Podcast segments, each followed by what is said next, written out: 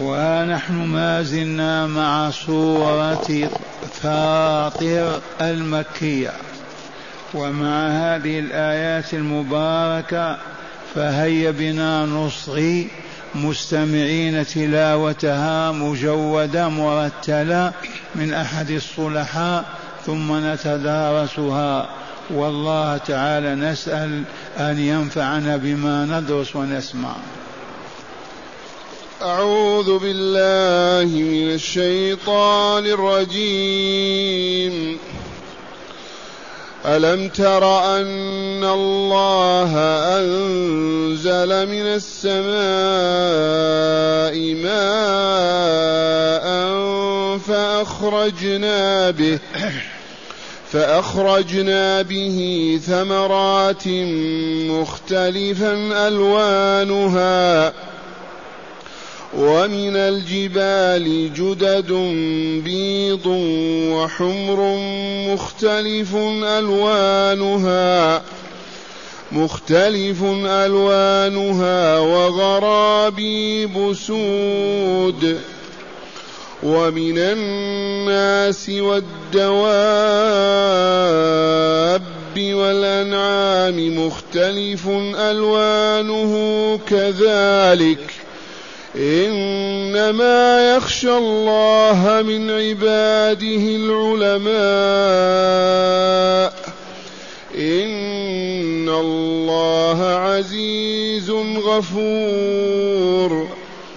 إن الذين يتلون كتاب الله وأقاموا الصلاة وأنفقوا مما رزقناهم وأنفقوا مما رزقناهم سرا وعلانية يرجون يرجون تجارة لن تبور ليوفيهم أجورهم ويزيدهم من فضله إنه غفور شكور. أحسنت. معاشر المستمعين والمستمعات من المؤمنين والمؤمنات. في هذه الآيات مظاهر تتجلى فيها وتظهر قدرة الله وعلم الله وحكمة الله وعزة الله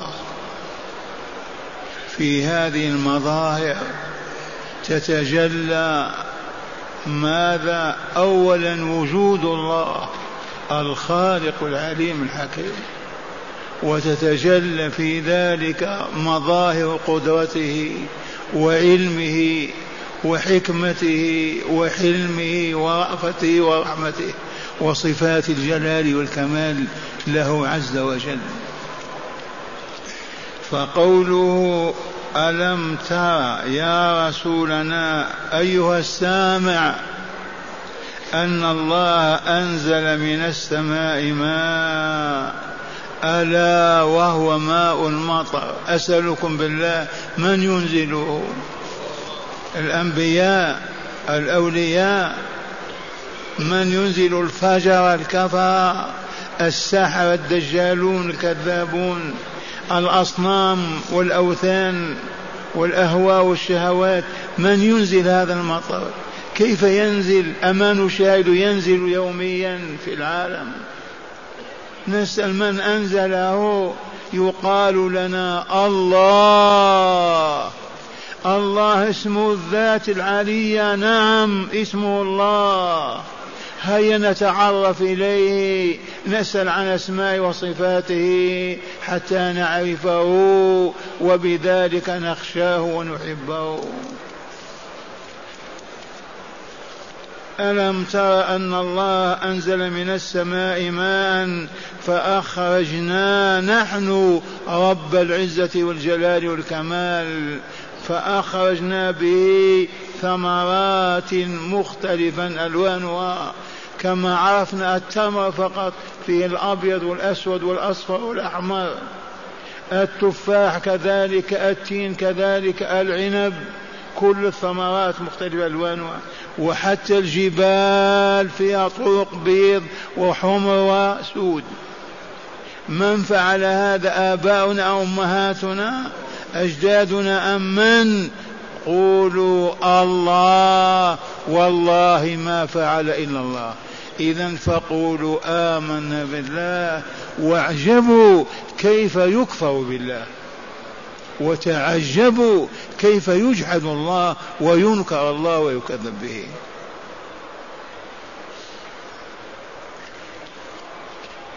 ومن الناس أيضا فضلا عن الجبال والثمار ومن الناس البشر هذا أبيض وهذا أصفر هذا أحمر هذا أسود. ولا تسل عن طوله وقصره وقل ما شئت. والدواب الحمر البغال الحمير كيف هي ألوان وإلا لا؟ من لونها؟ من جعل هذا أبيض هذا أسود؟ والأنعام الإبل والبقر والغنم. الغنم فيها الأبيض والأسود والأحمر وهكذا. يد من فعلت هذا؟ إنها يد الله. إذا فلنقل آمنا بالله. وكفرنا بالطواغيت والشهوات والأهواء والأصنام والأحجار وما يعبده المبطلون وما يتقرب إليه الهالكون. ثم قال تعالى إنما يخشى الله من عباده العلماء. الذين استعملوا أفكارهم استعملوا عقولهم استعملوا أذهانهم فنظروا في هذا الكون ووجدوا فيه عجائب المخلوقات. آمنوا بأن الله هو الخالق. وأنه ذو علم أحاط بكل شيء. ذو قدرة والله لا يعجزها شيء. ذو حكمة لا يخرج منها شيء. إذا فأحبوا الله وأعلنوا عن إيمانهم به وخافوه وخشوه لأنهم علموا. أما الجهل الضلال العميان الذين لا يفكرون ولا ينظرون في الكون ولا يفكرون حتى في ذرة من أوجدها أن لهم أن يخشوا الله عز وجل ويخشاهم الله. حصر الخشية في العلماء خشية الله محصورة في العلماء. العالمون بالله العارفون به بأسمائه وصفاته. العالمون بوعيده لاعدائه ووعده لأوليائه. هؤلاء هم الذين يخشون الله. أما الجهل فلا يخشون الله ولا يخافونه والله العظيم. أما حصر الخشيه فيهم إنما يخشى الله من عباده فقط العلماء. هيا نعلم كيف نعلم يا شيخ ونحن في المقاهي والملاهي وتمضي الأيام والأعوام ما نجتمع ليلة على آية من كتاب الله نتفكر فيها أو نتدبر كيف نعلم ونحن نعيش في الحر والبرد والظلام والضياء ولا نقول من أوجد هذا؟ كيف أوجده؟ من هو هذا؟ نسأل عنه فيقال إنه الله لا يسألون ولا يتعلمون. كيف يخشون الله؟ والله ما يخشون ولكن يعصونه ويخرجون عن طاعته ويفجرون بعبادته. ومعنى هذا يجب أن نعلم. يجب أن نعلم. نعلم بماذا؟ بالله. فنعرف أسماء وصفاته. صفات الجلال والكمال القدرة والحكمة العظمة والجلال حتى ينتج ذلك لنا حبه في قلوبنا وخشيته والخوف منه في نفوسنا. من يرد على الله في هذه الآية؟ والله لا أحد. إنما يخشى الله تعالى ويخافه فيعبده فيطيع ولا يعصيه العلماء أما الجاهلون فهم عميان صم بكم لا يعقلون. وهذا العلم ليس معناه أنك تدرس في كلية أربعين سنة ولا تتنقل من عالم إلى عالم. تقرأ كتاب الله وتتدبر آياته وتسأل العلم عن ذلك وتجلس مجالس الذكر والقرآن تتعلم وتصبح عالما.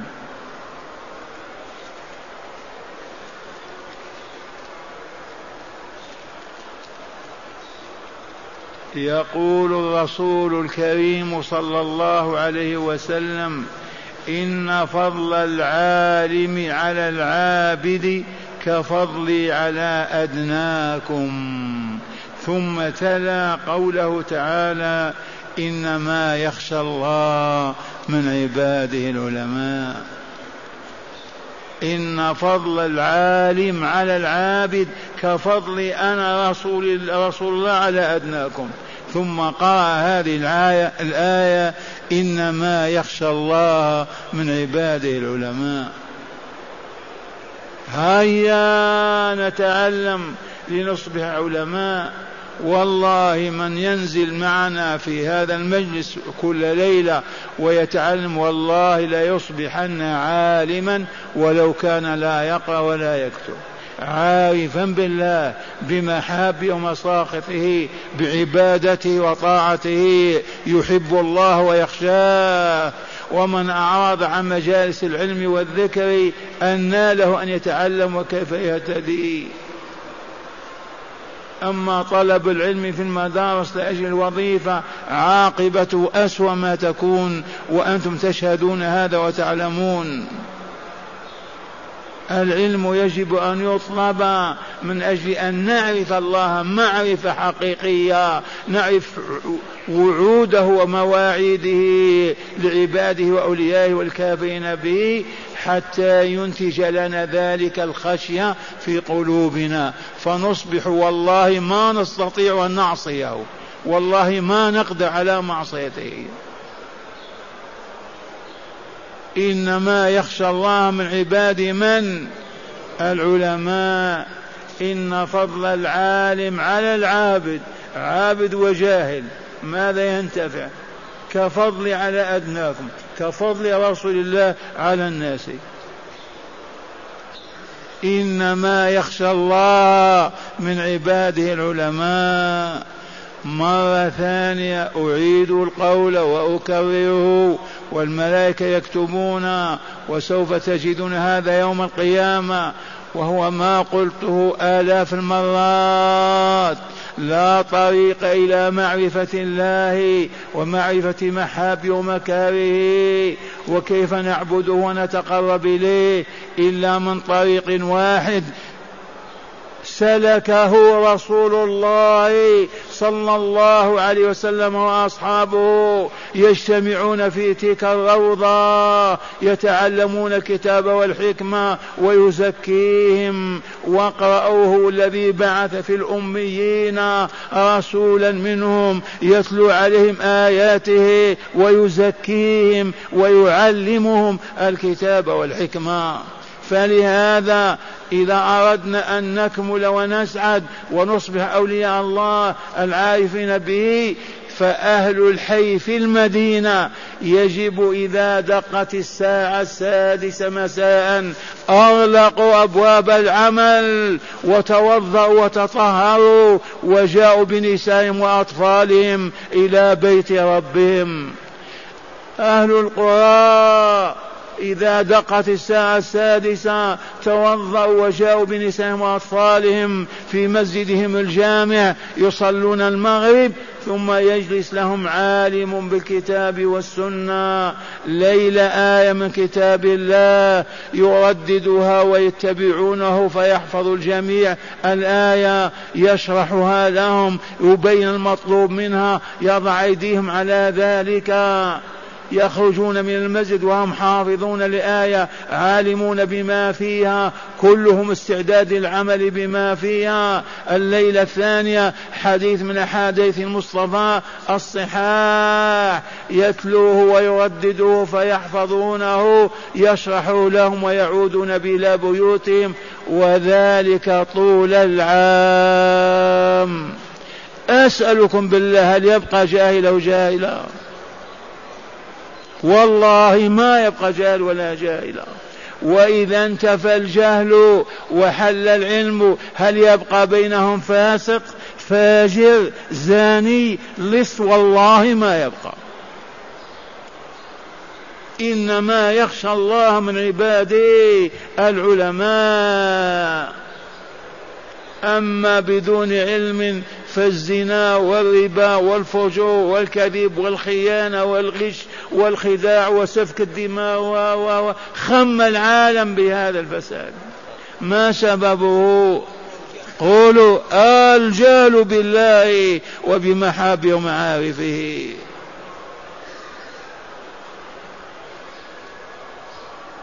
إلى الآن ما بلغنا أن أهل قرية اجتمعوا على هذا الكتاب والسنة إلى الآن. وقلت قديما والله لو بلغني أن أهل قرية اجتمعوا بنسائهم وأطفالهم في جامعهم طول العام والله لحججناهم وزرنا ديارهم لنشاهد ذلك الخير. ما حصل هذا. لا في العرب ولا في العجم. وأعطيناهم جائزة ثلاثين ألف ليرة. في الباكستان. ما فيش. أبدا. كيف نصبح علماء؟ وإذا لم نصبح علماء كيف نصبح؟ نخاف الله ونخشاه ونحبه. وإذا لم نخشى الله ونحبه هيهات هيهانا هيهات أن نطيعه. لا طاعة أبدا مع عدم الخشية والحب. إنما يخشى الله من عباده العلماء. إن الله عزيز غفور. عزيز قوي قادر.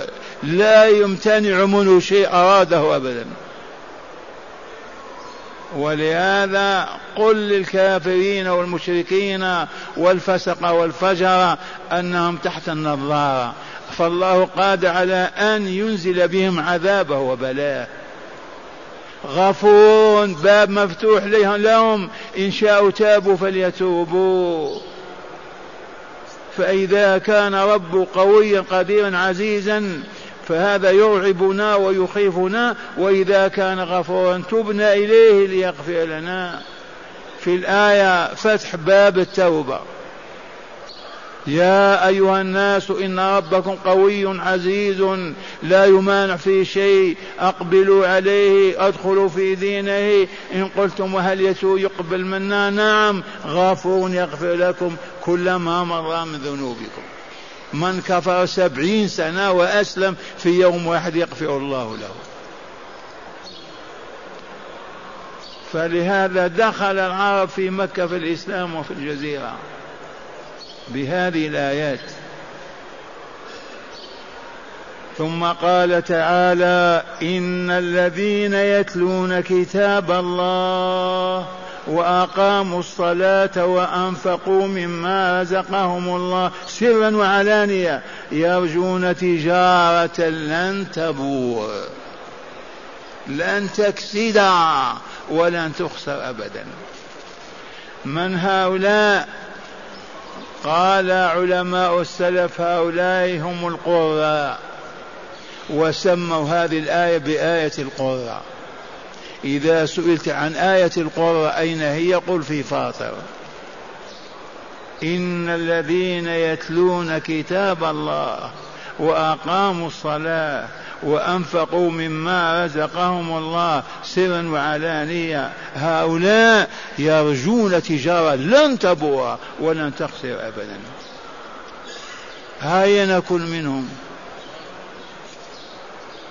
بسم الله. تلاوة كتاب الله إن استطعت أن تقرأ القرآن في ثلاث أيام فافعل. هذا أكمله وأعلاه دون ذلك سبعة أيام. دون ذلك شهر.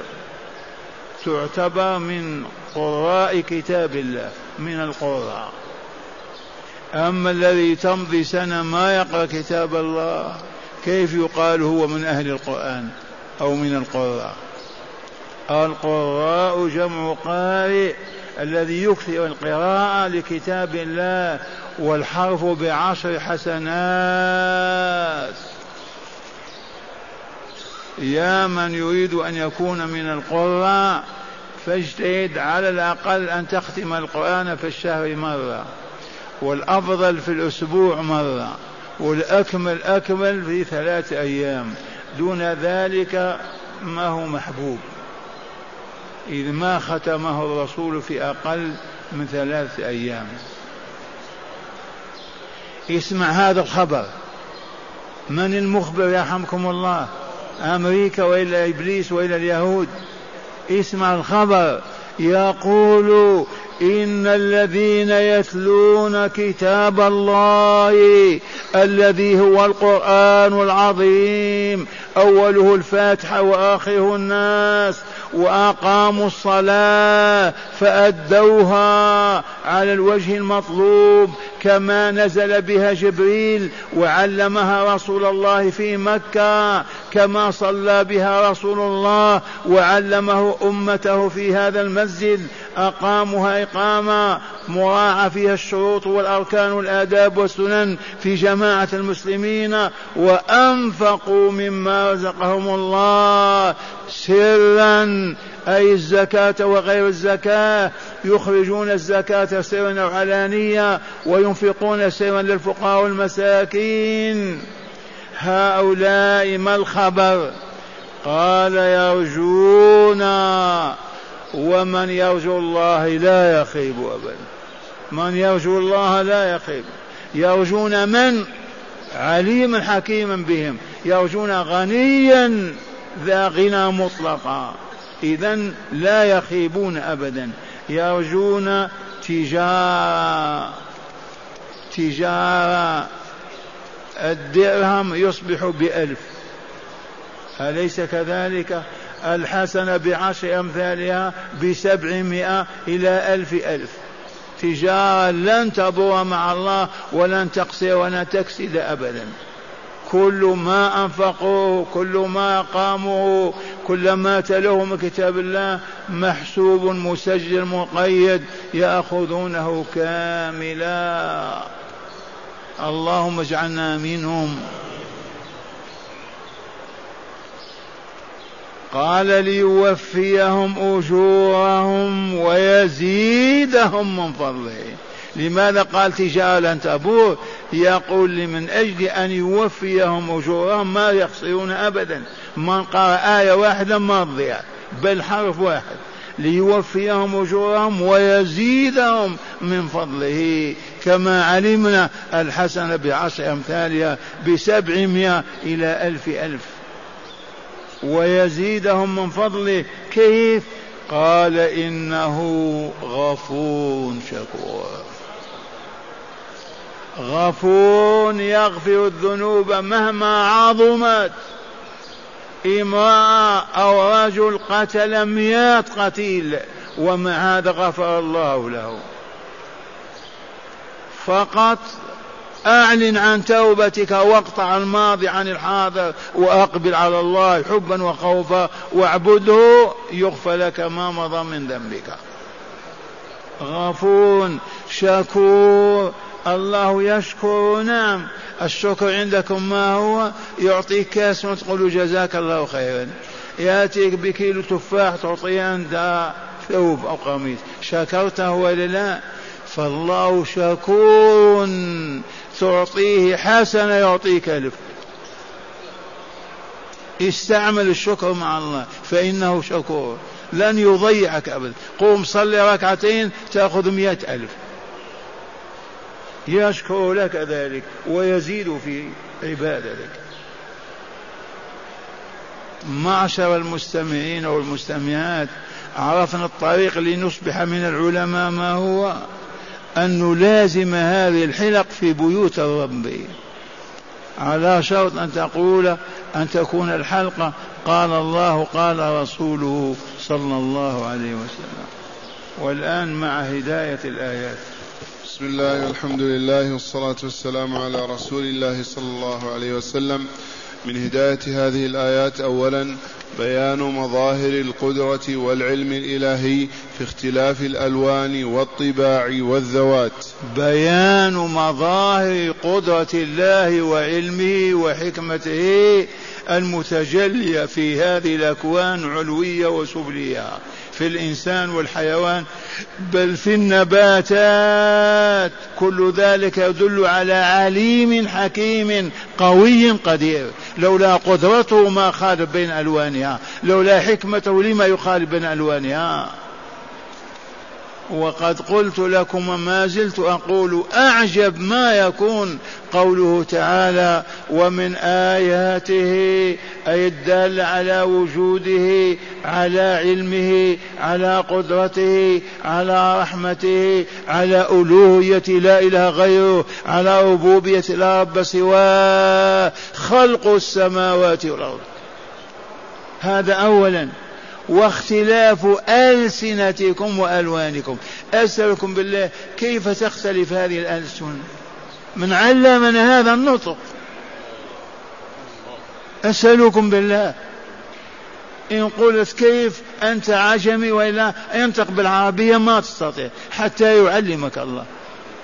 هذا عربي خليه ينطق بلغة أخرى ما يستطيع. هذه اللغات من علمها عباده؟ من جاء بها سوى الله؟ وجعلها مختلفة. وأعظم هذا وألوانكم. اختلاف الألوان. أعجب ما يكون. والله لأعجب ما يكون. كيف يكون هذا؟ ملايين البشر لا يوجد اثنان لا يفرق بينهما. لكل واحد صفة خاصة به وهي إذ لو كانوا على شكل واحد كل هذا يدخل على بيت هذا ويقول مرتي هذه هؤلاء أولادي وهذه مزرعتي وهذا دكاني. هذه أعظم آية ما فوقها آية. اختلاف ألوان البشر. فهمتم هذه؟ ما هو أبيض وأسود وأحمر فقط؟ لا. في الهيئات. كل شخص هكذا يفارق الثاني مع أن السمع والبصر والفهم والشفتين كله واحدة. ومن شك يقف الآن بيننا وينظر هل يجد اثنين ما يميز بينهما؟ هاتي ثانيا العلم سبيل الخشية فمن لا علم له بالله فلا خشية له. إنما يخشى الله من عباده العلماء. هذه ما ننساها أبدا. العلم هو سبب الخشية. فاقد العلم لا يخشى الله. فاقد العلم بالله ما يخشى الله. أبدا. إنما يخشى الله من عباده. ما ننسى هذه الجملة من كلام الله. والرسول يقول إن فضل العالم على العابد كفضل على أدناكم. ويقول إنما يخشى الله من عباده العلماء. وكثيرا ما نقول هيا ندخل إلى قرية بني فلان ونقول دلونا على أتقاكم. والله لن يكون إلا أعلمهم. لا يمكن أن نجد أتقى في قرية رجل أتقى وهو غير عالم أبدا. لا بد من العلم. نعم. ثالثا فضل تلاوة القرآن الكريم وإقام الصلاة وإيتاء الزكاة والصدقات. فضل قراءة القرآن وإقام الصلاة وإيتاء الزكاة ورب يعدهم. يقول ليوفيهم أجورهم ويزيدهم من فضله وهذه الآية ماذا سماها العلماء؟ آية القراء. أين توجد هذه الآية؟ في سورة فاطر. إن الذين يتلون كتاب الله. اللهم اجعلنا منهم. رابعا وأخيرا في وصف الله تعالى بالغفور والشكور ترغيب للمذنبين أن يتوبوا وللعاملين أن يزيدوا. الله أكبر. وصف الله تعالى نفسه بالغفور والشكور. ما الحكمة في ذلك؟ ما العلم؟ ما العلة؟ من أجل أن يزيد العابدون الصالحون فيعظم أجرهم ومن أجل أن يتوب الجاهلون الفاسقون ليغفر الله لهم. ولهذا وصف نفسه بالغفور الشكور. فأهل الطاعة يزيدهم الله على طاعتهم لأنه شكور.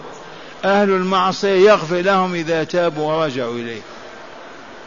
نسمع الآيات مرة ثانية مجودة مرتلة ونتأمل ما سمعناه فيها. نعم. أعوذ بالله من الشيطان الرجيم. ألم تر أن الله أنزل من السماء ماء فأخرجنا به فأخرجنا به ثمرات مختلفا ألوانها ومن الجبال جدد بيض وحمر مختلف ألوانها وغرابيب سود. ومن الناس والدواب والأنعام مختلف ألوانه كذلك. إنما يخشى الله من عباده العلماء. إن الله عزيز غفور. إن الذين يتلون كتاب الله وأقاموا الصلاة وأنفقوا مما رزقناهم وأنفقوا مما رزقناهم سرا وعلانية يرجون يرجون تجارة لن تبور ليوفيهم أجورهم ويزيدهم من فضله. إنه غفور شكور.